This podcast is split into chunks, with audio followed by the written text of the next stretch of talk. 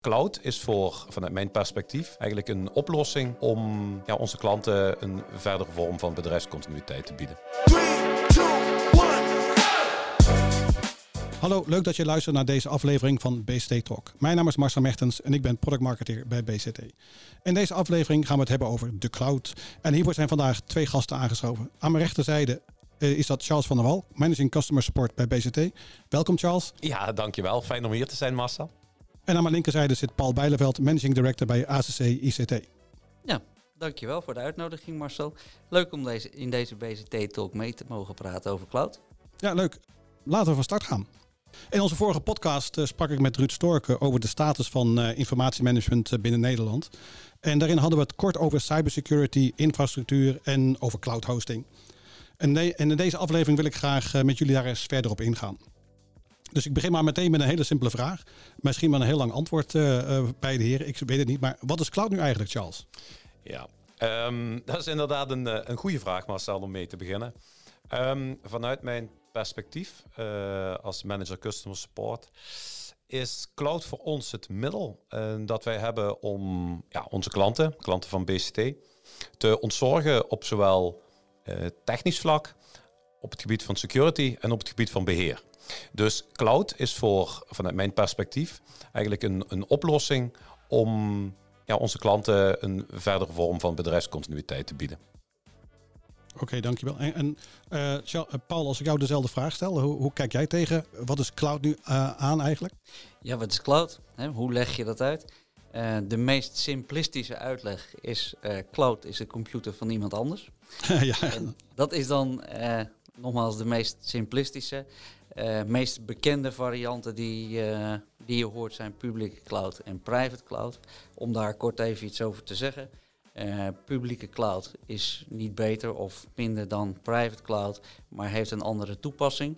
En zo zie je bij een publieke cloud dat er meer gekeken wordt naar edge computing of data-driven, data lakes, AI, um, machine learning, allemaal dat soort um, begrippen. En daar waar het gaat om het wat lokalere karakter, een constante en stabiele uh, belasting, dan zien we vaker een, publiek, een private cloud, ook uh, in combinatie met uh, vragen over Nederlands grondgebied. Waar, dus waar staat de data, waar laat je de data? Wie kan er beide data? Dat is even heel in het kort. Oké. Um, en misschien ook voor de mensen die BCT en ACC-relatie niet kennen, kunnen jullie daar iets kort over zeggen? Hoe de samenwerking tussen BCT en ACC-ICT is? Uh, ja, zeker Marcel. Daar wil ik wel even op inhaken. Wat ik denk om die vraag te beantwoorden, moeten we eerst even teruggaan naar waar BCT naar op zoek was en wat wij op dit moment willen. En wat wij natuurlijk um, ja, als ons primaire taak zien, is dat wij de klanten en ook de eindgebruikers die gebruik maken van de softwareoplossingen van BCT optimaal willen faciliteren met, met onze software. En we zien op dit moment vanuit de markt een ja, een zeer groot aantal vragen op dat ja, eigenlijk cloudgebied terugkomen. Dat zijn vragen over wat kan functioneel, maar ook over security, over, uh, over andere vraagstukken, stuk compliancy. Komen ze bij ons uit. En ja, de conclusie is, we hebben een, voor een deel zicht op dat, op dat landschap, maar we weten dat we dat niet alleen af kunnen. En daarom hebben we ook echt een partij gezocht die voor ons uh, deels een stuk cloud hosting doet, maar die verder gaat dan puur techniek. We hebben uiteindelijk een partij nodig met wie we samen naar de toekomst kunnen kijken. Waarbij we ook samen dat gemeenschappelijke doel kunnen, kunnen invullen. Oké, ja, duidelijk. Dankjewel voor de, voor de toelichting. Um, dat is een mooie toelichting inderdaad. Wij richten ons niet primair uh, op techniek. ACC ICT richt zich op softwareontwikkelaars die met name behoefte hebben aan het uh, ontwikkelen en uitrollen van een toekomstbestendige strategie. En dat gaat natuurlijk om techniek, maar dat niet alleen. Uh, onze rol is vaak het uh, ontwikkelen van de processen, zodat er uh, optimaal uh, software ontwikkeld kan worden. Dan gaat het over kwaliteit, voorspelbare kwaliteit, sneller features naar de markt brengen, snel bugs kunnen fixen. En dat natuurlijk in combinatie met security by design en een beschikbaarheid grenzend aan 100%. Dat zijn voor ons uitgangspunten waar wij goed het verschil kunnen maken. Bottom line is dat wij ons richten op de eindgebruiker, dus dat is eigenlijk de gebruiker van de SaaS-applicatie. En onze visie is, als die uh, blij is, als die blij wordt van het product, dan wordt onze klant dat ook. En dan uiteindelijk wij zelf ook. Oké, okay, ja, dankjewel. Um, nou, nu we het toch over hebben over cloud. We hebben het er kort over gehad. Hè. Cloud is een groot begrip uh, en is in beweging. Hè. Maar kunnen we de eisen uit de markt uh, duiden? Um, ik denk dat we de eisen uit de markt zeker kunnen duiden, maar het zijn er nogal wat. Ja, ja, ja. Dus, dat lijkt me ook wel. Dus ik denk dat, dat enige kaderstelling op zich wel, uh, wel kan helpen. Um, wat we zien is dat de, de eisen van de klanten in brede zin ondergebracht zijn in een aantal uh, nou ja, uh, hoofdgroepen. En um, we komen daarbij op een stuk continuïteitsvragen van de klanten. Vragen met betrekking tot performance, dus ja, hoe snel en hoe goed werkt een, een applicatie. compliancy, security, heel belangrijke. En uiteraard ook opgeteld het hele kostenaspect wat, uh, wat bij de cloud hoort. Want zeker op dat laatste gebied zijn er nog wel wat verwachtingen en ook wel vragen. Ja, dat zal, zal zijn. Maar zullen we eens met de laatste beginnen? Het, het kostenstuk. Paul, uh, je had in het voorgesprek er ook al wat dingen over. Maar uh, hoe zou jij vanuit het kosten, naar het kostenstuk kijkende op reageren? Nou ja, het mooie is natuurlijk dat er vaak gesteld wordt, ja, is cloud dan niet duur? En zegt, nou ja, dat hangt er heel erg vanaf. Um, wat is je referentie? Waar kijk je naar? Um, als je alle onderdelen meeneemt, en dan heb je het over geografische redundantie, het dubbel uitvoeren van apparatuur, gescheiden backup locaties. Uh, denk ook aan je stroomkosten, je noodstroomvoorzieningen.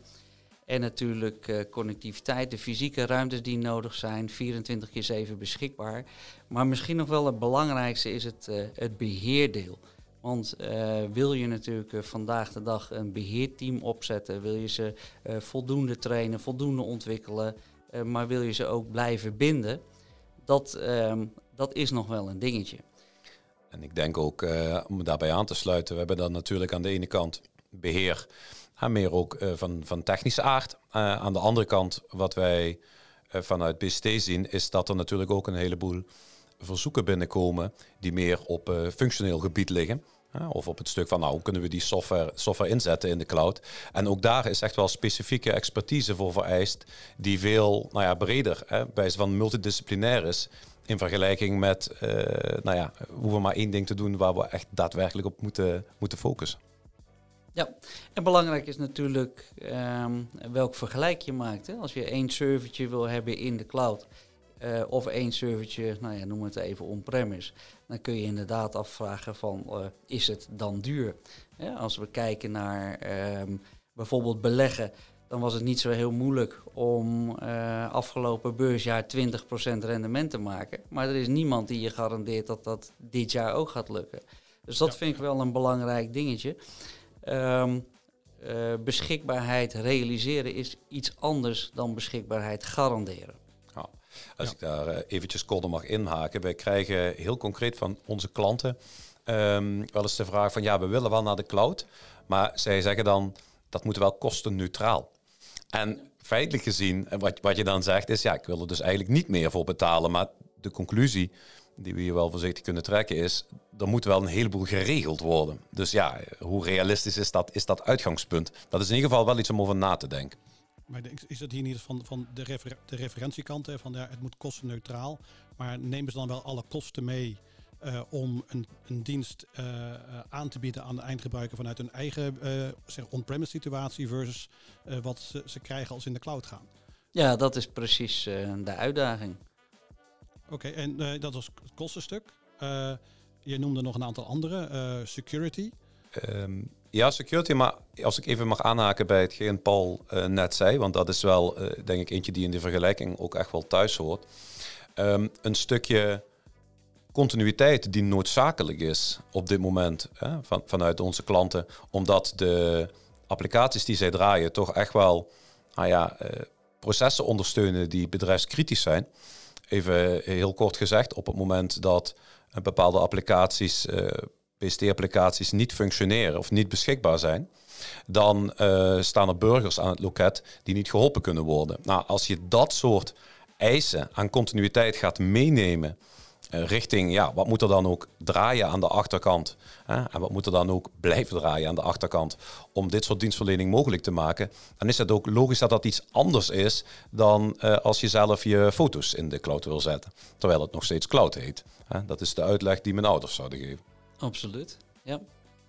Ja, dat denk ik het, het ook weer van vergelijk je appels met appels uh, uh, en niet appels met peren. Van, van als ze de stap willen maken tussen wat ze eerst hadden, zeg maar zelf hadden, de on-premise versus dan de, de cloud stuk, neem je wel alle facetten mee. En dan met cloud worden dan andere facetten benaderd dan met on-premise. Omdat de, de visie anders is. Misschien ook wel een deel zeg, onbekendheid. Of zoals juist Charles zegt van hun referentiekader kan, kan anders zijn. Ze kijken naar cloud als inderdaad de storage van hun, uh, hun OneDrive, hun privé OneDrive, hun, hun eigen, hun eigen iPhoto iets in die geest versus wat ze daadwerkelijk nodig hebben om de dienst die ze willen leveren naar hun, hun eindklanten toe, om die goed te ondersteunen.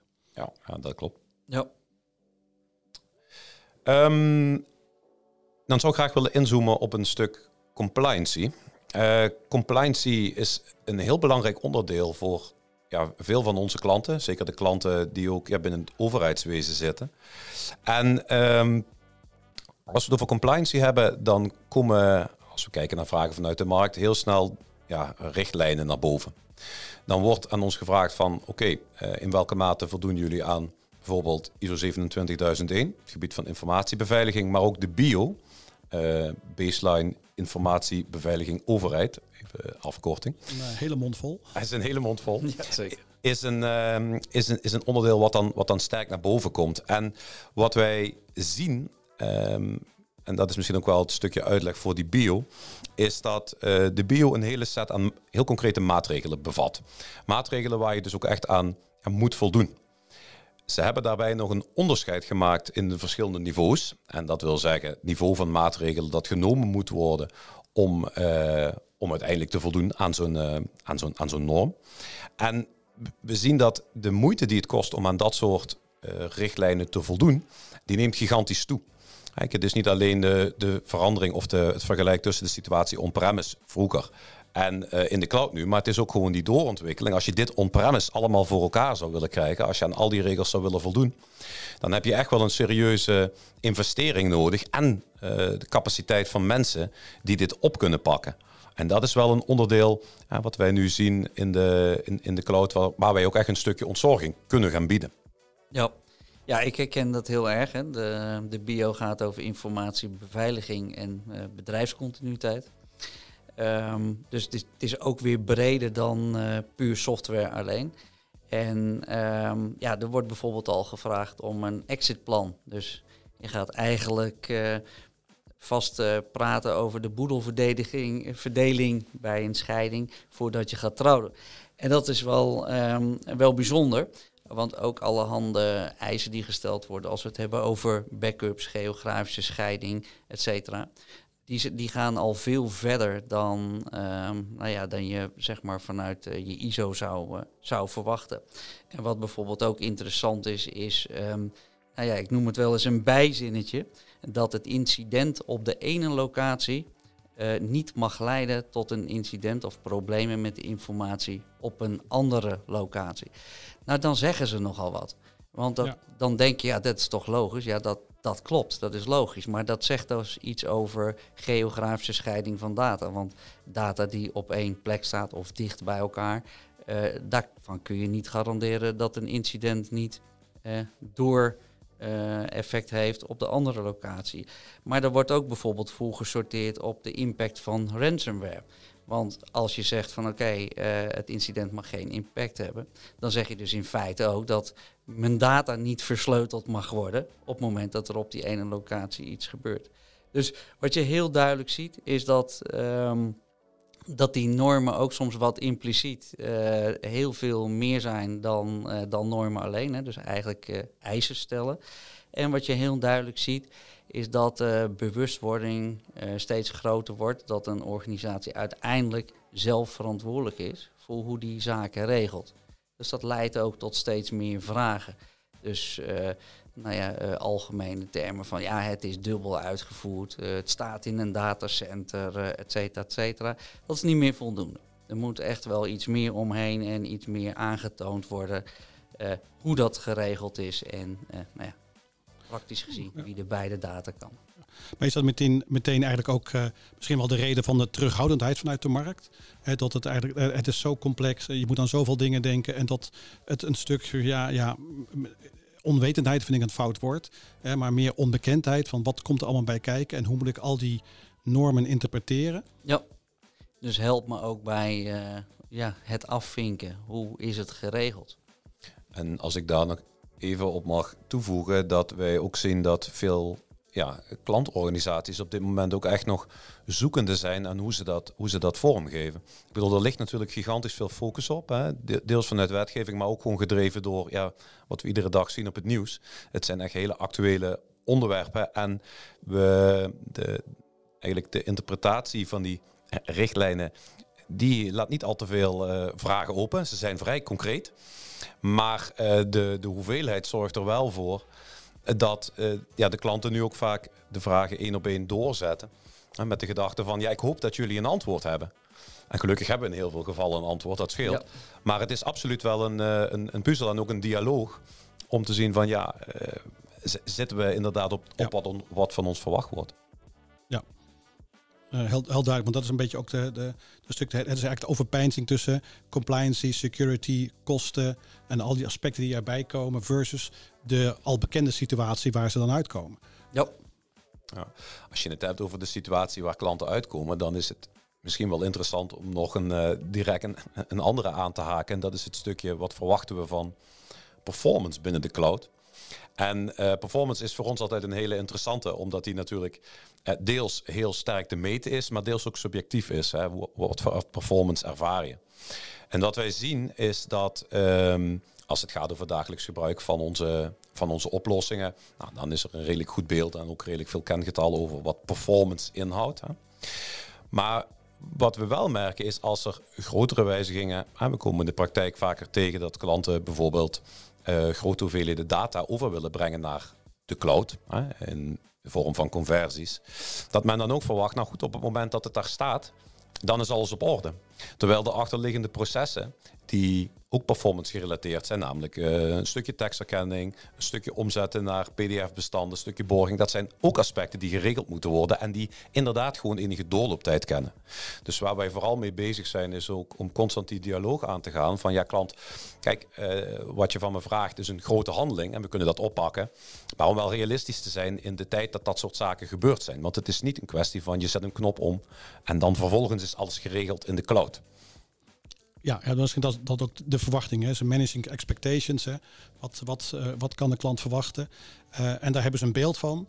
En om hun te helpen dat beeld uh, compleet te krijgen, pas dan kun je er het belangrijkste gesprek voeren van ja, maar hoe krijgen we, dan, hoe krijgen we dat dan gerealiseerd? Tegen, ja. En dan komt het kostensplaatje er uiteindelijk bij. Ja, zo zie ik het tenminste van oké, okay, maar als je dan het hierover hebt, dan dan ben je inderdaad zeg maar, bij spreken kostenneutraal. Want als ik dat dan dat erbij moet rekenen zelf, dan ben ik eigenlijk, eigenlijk zelf nog wel duurder uit. Ja, een mooi uh, voorbeeld daarvan is ook de escrow. Dus een klant die zegt, nou, ik heb een eh, escrow op mijn software, dus ik hoef me geen zorgen te maken over de broncode en het doorontwikkelen van de software op het moment dat de fabrikant failliet gaat, de softleverancier dus. Maar goed, in de cloud werkt dat natuurlijk net even anders. Want het is op zich wel hartstikke leuk dat je kunt doorontwikkelen als er iemand in de keten failliet gaat. Maar wat gebeurt er met je continuïteit? En wat gebeurt er met je data? Hoe voorkom je een datalek? En ook daar zie je dat er een stukje bewustwording is en steeds meer vragen van hé, hey, maar hoe voorkomen we dat dan? En daar zie je weer dat continuïteitsregelingen steeds nadrukkelijker um, hun intrede gaan krijgen, steeds meer om gevraagd wordt hoe is die keten geborgd voor een faillissement van iemand in de keten. En dat kan natuurlijk de cloud provider zijn, dat kan het cloud platform zijn voor zover dat iemand anders is, dat kan een softwareontwikkelaar zijn of noem maar op. Dus steeds meer ook vanuit die eigen verantwoordelijkheid doorvragen en vastleggen hoe die keten in elkaar zit. Dat is een, uh, ja, een hele duidelijke uh, tendens die wij zien. En ja, ik moet heel eerlijk zeggen, ik, ik juich dat wel toe. Want ten eerste um, is het als specialist in IT-continuïteit heel erg interessant om je daarmee bezig te houden. Sterker nog, ik heb er mijn vak van gemaakt. Maar ook als consument zeg ik van ja, maar uh, mijn data die ergens in een cloud staat, uh, dat wil je toch ook dat dat uh, veilig is, dat dat werkt als je het nodig hebt en dat dat niet nou ja, weglekt. Ja, zeker. Ik denk dat dat ook weer herhalen is van, van het is misschien eerder onbekendheid of tegen een berg optie, want er komt zoveel op, op, een, op een af om dan de stap te maken. Om naar de cloud te gaan migreren en naar een cloud-hosted solution te gaan. Ja, en um, wellicht om verder te gaan, als je zegt van ja, om naar de cloud te migreren. Um, die uitdaging die veel van, van onze klanten hebben, hè, uh, de berg, wat, wat moeten we doen? Die laat zich niet alleen maar uh, zien door nou ja, de vijf punten die we nou aan het benoemen zijn, maar laat, die komt ook heel sterk naar boven in, ja, maar uh, kunnen we dan nog alles? Want wat wij in de praktijk vaak zien is dat klanten gewend zijn, zeker on-premise een, een hele nou ja, eigen werkwijze, stukjes maatwerk. Hoe doen we zaken precies? Ze hadden dat altijd volledig in eigen beheer. Maar op het moment dat je je naar de cloud gaat begeven, dan zien we dat het ja, vaak wel loont om ook direct een stuk standaardisatie door te voeren. Standaardisatie ook in gebruik van de, van de oplossingen. Dus niet zozeer van de techniek, maar wel van de oplossingen zelf. Want juist door meer gebruik te maken van standaarden, een stuk maatwerk achter je te laten, wat ook niet meer allemaal in de cloud gefaciliteerd wordt, kun je ervoor zorgen dat je mee evalueert, zoals de software mee evalueert. En we zagen klanten die in beginsel alles op een heel specifieke manier hadden ingericht, die ehm, ja, kunnen nooit mee met, met onze inhoudelijke upgrades. Simpelweg omdat ze iets zelf gemaakt hebben. En dat is wel iets wat zeker bij een cloudgang ook het overwegen waard is. Van ja, maar dan moet ik ook nog iets gaan aanpassen, eventueel in mijn werkprocessen. En dat is wel een uitdaging voor de organisatie. Ja, dat kan ik begrijpen. Maar letztendelijk ook daar ook. Hè, je ziet de tendens ook in, in andere markten. Is dan um, uh, dat zeg maar, het werken met standaarden uh, meer, ja, meer geaccepteerd is dan een tig jaar geleden. Daar was het van ja, met, met standaard daar kan, kun je niet werken, dus wij zijn bijzonder. Maar tot de tendens toch meer en meer wordt van, mm, maar de, de huidige platforms zijn dusdanig verder goed doorontwikkeld. Dat eigenlijk het proces wat ik heb best wel fittend is binnen de huidige oplossing. Ja, maar dat heeft toch soms nog wel eventjes wat, uh, wat ja, tijd ja, nodig om, ja, om, om, te laten, om te laten indalen. En het is uiteindelijk ook, ja, wil je daaraan committeren of niet? En daar zien we verschillende richtingen in. Ja, ja zeker. Ja. We, nou, we hebben heel wat dingen de revue laten passeren. Maar ik wil toch heel even nog inzoomen op, uh, op security, over veiligheid. Uh, Paul, kun je daar wat over zeggen? Ja, kan ik zeker iets uh, over zeggen. security is natuurlijk ook een van de elementen die je terug hoort als het gaat over cloud. Is het wel veilig? Nou, persoonlijk durf ik de stelling wel aan dat een cloud-infrastructuur dat die veiliger kan zijn dan een on-premise infrastructuur. Nou ja, daar zijn wat, wat praktische voorbeelden van, van te verzinnen. Zo zou je bijvoorbeeld kunnen voorstellen dat het niet meevalt om een server met data uit de cloud te halen. Daar waar dat on-premise nog wel enige mogelijkheden biedt. En een praktisch voorbeeld is natuurlijk ook DDoS. Een DDoS is een uh, enorme hoeveelheid data die op apparatuur afgevuurd wordt, waardoor die apparatuur dat op een gegeven moment niet meer kan verwerken. Maar je ziet bij on-premise infrastructuren dat vaak die bandbreedte naar die, naar die apparatuur toe al het probleem is. Dus die apparatuur kan het wel verwerken, maar doordat de bandbreedte vol zit, dus de lijnen vol zitten, um, ondervind je dus alsnog een verstoring in je productie. Oké. En uh, Charles, misschien van jou, jouw kant uit nog wat over security. Waar vragen klanten om of waar, waar lopen wij tegenaan? Ja, de vragen van de klanten, voor zover die niet voortvloeien uit uh, ook richtlijnen zoals, uh, zoals eerder genoemd, zijn onder te verdelen aan de ene kant in echt, we noemen dat even technische zaken. Zorg dat de bevindingen beveiligd, beveiligd zijn. Bepaalde toepassing van bepaalde technieken. Maar wat we, wat we ook zien in die, in die vraag is een stuk van ja, garandeer ons dat het geregeld is. Dus niet zozeer de volledig uitgesplitste vraag van nou, kunnen jullie ons precies op al die niveaus zeggen hoe het werkt. Ze zeggen ja luister, we zitten met een uitdaging, jullie zijn de leverancier. En ik vind ook dat ze die vraag zo mogen stellen. Zorg dat in ieder geval die infrastructuur op orde is. En dat is ook het deel uh, waarom het dan ook heel fijn is om ja, samen op te trekken en ook uh, samen met onze, met onze partner daarover na te denken. Ja, ja oké, ja, heel helder voor mij. Oké. als ik kort mag samenvatten, dan kun je stellen dat de eisen uit de markt voor een cloudoplossing onder te, onder te verdelen zijn in continuïteit, performance, compliancy, security en kosten. Ja, in basis, uh, basis ben, ik het dat, uh, ben ik het helemaal met je eens. Waar, je, waar we wel rekening mee moeten houden, is dat er nog een ander aspect speelt. En dat is eentje die niet zo mak makkelijk te vatten is in dit soort ja, meer feitelijke eisen. En dat is het gevoel. het is een, een breuk met het, met het verleden. Het is een nieuwe manier om uiteindelijk, nou ja, je bedrijfsprocessen ook uh, vorm te geven. En uiteindelijk ook om een deel van, ah, even zo gezegd, je bedrijf onder te brengen. Eh, op een andere plek. En dat is spannend. En we zien dat de, soms op al die onderdelen die we net noemden, nou ja, dat het positief is dat daar groene vinkjes staan. En toch dat daar nog een. Ja, nog, nog iets zit. En in zo'n geval zeggen we ook, en trouwens ook als het wel gaat om die vijf punten, laten we daar gewoon de, de dialoog over voeren. Want um, het is uiteindelijk een vertrouwenskwestie. En als klant, als je vertrouwen hebt, dan, uh, dan, dan kun je die stap zetten. En dat vertrouwen dat moet groeien. En daarvoor nodigen we ook iedereen uit om dat gesprek te voeren. Nou, ik vind dat een, eh, een prima afsluiting van, eh, van deze aflevering. Uh, Charles, ik wil jou bedanken. Paul, heb jij nog wat toe te voegen? Nee, zeker. Een hele mooie afsluiting. Ja. ja. hartstikke leuk dat je er was. Dankjewel, Paul. nogmaals, dankjewel, Charles. En, en jullie luisteraars, dank jullie wel voor het luisteren. En tot de volgende keer. Top dat je weer geluisterd hebt naar een aflevering van de BSD Talk podcast. Wist je dat je heel simpel een review kunt achterlaten om te laten weten wat je van deze podcast vindt? Ga naar je podcast-app en klik op reviews. Laat bijvoorbeeld 5 sterren achter en als je wilt ook nog een geschreven review. En wil je voortaan alle nieuwe afleveringen van deze podcast overzichtelijk onder elkaar? Abonneer je dan op deze podcast. Klik hiervoor in je podcast-app op de button subscribe en je ontvangt automatisch een berichtje als er een nieuwe podcastaflevering is verschenen. Vind je deze aflevering nu interessant en ken je iemand die dit wellicht ook interessant vindt, dan zou ik het waarderen als je deze podcast deelt. En ben je door deze podcast enthousiast geworden? Bezoek dan ook eens onze website op bstsoftware.com. Dat is dus bstsoftware aan elkaar vast.com. Nogmaals bedankt voor het luisteren en graag tot de volgende keer.